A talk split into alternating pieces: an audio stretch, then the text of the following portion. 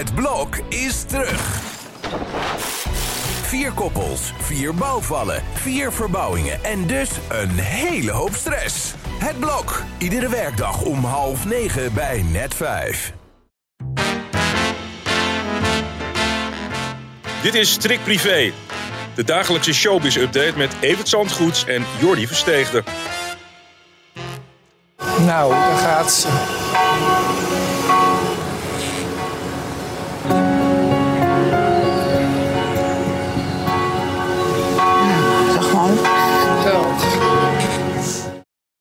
Ja, we hebben niets te veel gezegd gisteren. Nee, dat was heel mooi gedaan. En, en daar gaat ze. Dat is toch ook wel een, een treurige constatering altijd. Net als de, op het moment dat de kist binnengedragen wordt, dat je denkt, ja, het is echt zo. Ja. En dan dat laatste moment, dat is... eh, ja, Martien was zeer aangedaan. Ja. En een miljoen kijkers met hem. Ja, ik vond het echt een hele mooie uitzending, want het was echt de familie Meiland ten voeten uit. Aan de ene kant zat Erika de rouwkaarten te maken.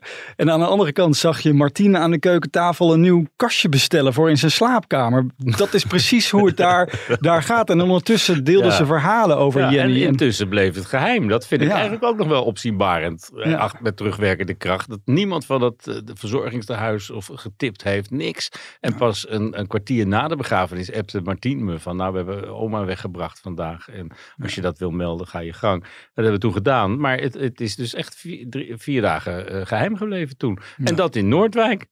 Over emotionele televisie gesproken. Gisteravond eh, keken nou, een hoop kinderen in ieder geval, maar ook volwassenen natuurlijk iedere avond, naar het klokhuis. Ja. En daar werd een bijzonder eerbetoon eh, gebracht aan eh, een van de de Lange. acteurs. Ja. Ja, vorige week hadden we hem op de pagina in de krant. En toen moest ik echt uitleggen aan een paar mensen wie dat was. En, en dan zei ik van klokken. Oh ja, natuurlijk. Ja, ja, oh, is die dood? Ja, die is in mei overleden. En gisteren waren er twee eerbetonen, liefst op één dag. Aan iemand die dus al een half jaar dood is. Zowel in het klokhuis werd erbij stilgestaan op een heel mooie manier, zoals je zegt. En ook was er in Rotterdam de première van Casa Coco, de film met erop eh, Gerard Cox en eh, Joke Bruis. En ook daar was een groot deel van het applaus eh, voor hem. Want hij speelt daarin een hele ontroerende, mooie, kleine rol. Klein een man die dementerend is. En een prachtige scène speelt met, met Gerard Cox.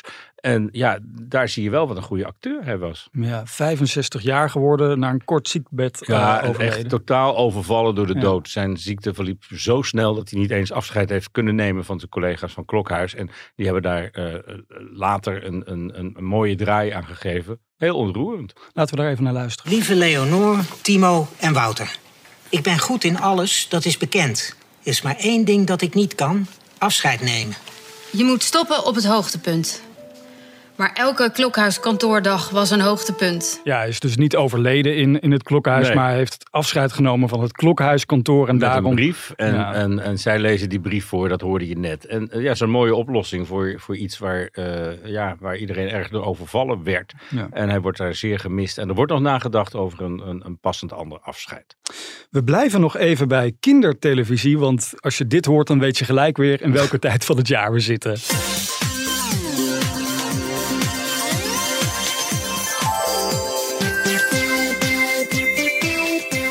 Het Sinterklaasjournaal. Ja, Nou ja, lipsynchroon spreek je dit mee. Want jij zit elke, elke Ja, ja. avond met natte haartjes voor de televisie, geloof ik. Ja, echt. eh, sinds mijn jeugd. Ik vind dit. Kijk, er verandert heel veel en heel snel in de wereld. Ja. Eh, maar Diewertje Blok, daar aan tafel, dat verandert gewoon nooit. Nee, Sinterklaas ook niet. Nee, dus eh, nou, en ik, vind het, ik, ik heb er zoveel bewondering voor. Want je weet, hè, het gaat nooit in één keer goed met de Sint als, de, als die naar Nederland komt. Toen in mijn jeugd al niet. Dan was het boek ook zoeken, kregen we geen cadeautjes. Dus Oh. het zijn allemaal variaties op een thema. Er is elk jaar wel een stront te knikken. Maar Ja. nou ja, zoals wij weten, komt het altijd wel weer op zijn pootjes terecht op 5 december. Nou ja, precies. En eh, vanaf nu dus iedere avond eh, te zien op, eh, op NPO 3. En gisteren dus 1,2 miljoen kijkers. Hè. Ongelooflijk. Ja, na alle ellende, als je toch naar het journaal kijkt, niks gaat goed in de wereld. Dan is het Sinterklaasjournaal toch wel een verademing om naar te kijken. En, en ik denk dat werkelijk 1,2 miljoen mensen daar elke dag, net als jij, enorme behoefte hebben om in ieder geval even niks aan hun kop te hebben. En even voor de duidelijkheid, ik schaam me hier niet voor. Nee, dat was me al duidelijk.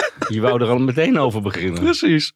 Straks Meghan Markle, want eh, zij lijkt na eerdere berichten waarin ze het tegenovergestelde beweerde toch te willen vechten voor de koninklijke titels van haar kinderen.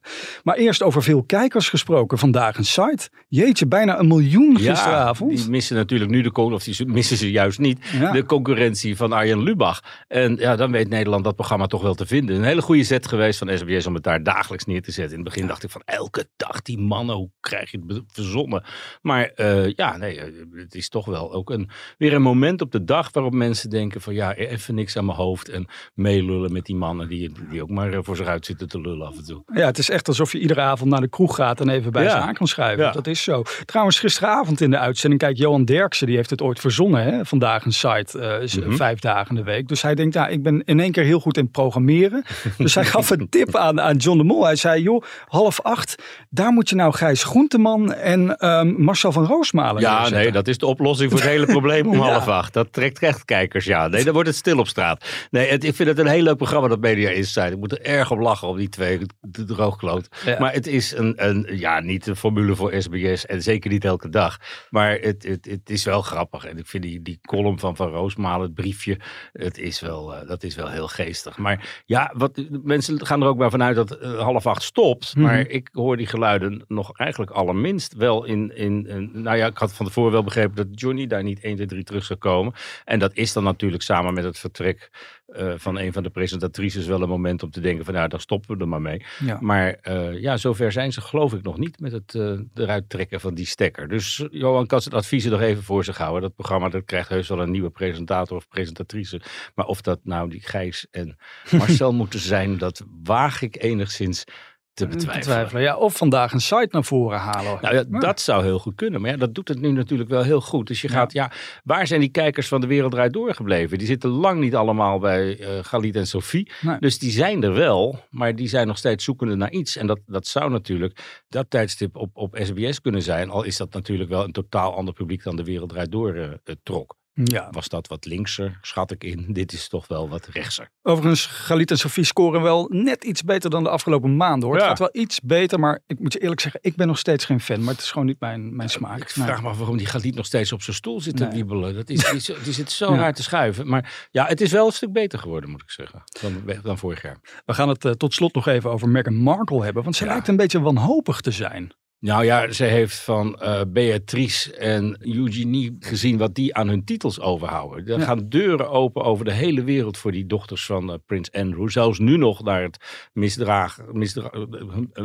nadat die vader zich zo misdragen heeft. Ja. Maar eh, eh, ja, dat eh, blijft niet aan hun kleven. Zij worden daar niet op afgerekend. En Meghan heeft gezien van, hé, hey, als, als, dat prins en als dat prinses zoveel oplevert, dan moeten mijn eh, zoon en dochter ook prins en prinses worden. De kans erop is, wordt niet groter na het boek. Oh. Want ja, Charles heeft al gezegd, laten we dat eerst maar eens even afwachten. En dan komen die titels misschien wel rond mijn kroning. Maar het is toch niet erg voor de hand liggend dat Charles, die een kleiner eh, koningshuis voorstaat, het is niet erg te voorstellen dat die schandaalfamilie eh, nog eens met titels gaat belonen. Ik zat gisteravond te denken, we hebben natuurlijk The Crown. eh, morgen geloof ik het vijfde seizoen eh, te zien. Ja, ik heb het al gezien. Het Ja. is weer prachtig. Er zitten geweldige dingen in. Ik moet zeggen dat de fantasie van de makers af en toe wel heel erg met ze op de loop gaat. Maar Ja. er zitten zulke ontzettend leuke scènes in. Bijvoorbeeld die scène, je zult hem zeker tegenkomen, dat eh, Diana haar toekomstige schoonvader eh, Mohammed Al-Fayed leert kennen. Dat Hm. is zo'n ongelooflijk leuke, geestige dialoog.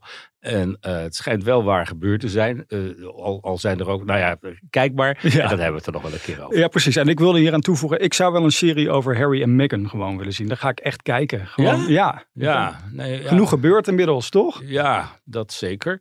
Maar dan denk ik toch dat, ja.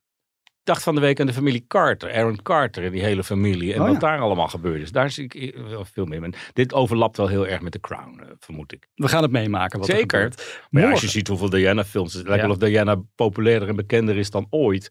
En eh, nou, als ik dat zeg, die was vroeger al heel bekend. die stond werkelijk elke maand wel op een keer op de cover bij ons en, over, en over de hele wereld. Maar de belangstelling voor haar is natuurlijk door haar zonen eh, enorm groot. Morgen om 12 uur, dan zijn we er weer. Ja, daar zijn we er weer. Ik las het ook in de krant. Privé day. Elke, dag. Precies. Hey, Tot morgen. tot morgen.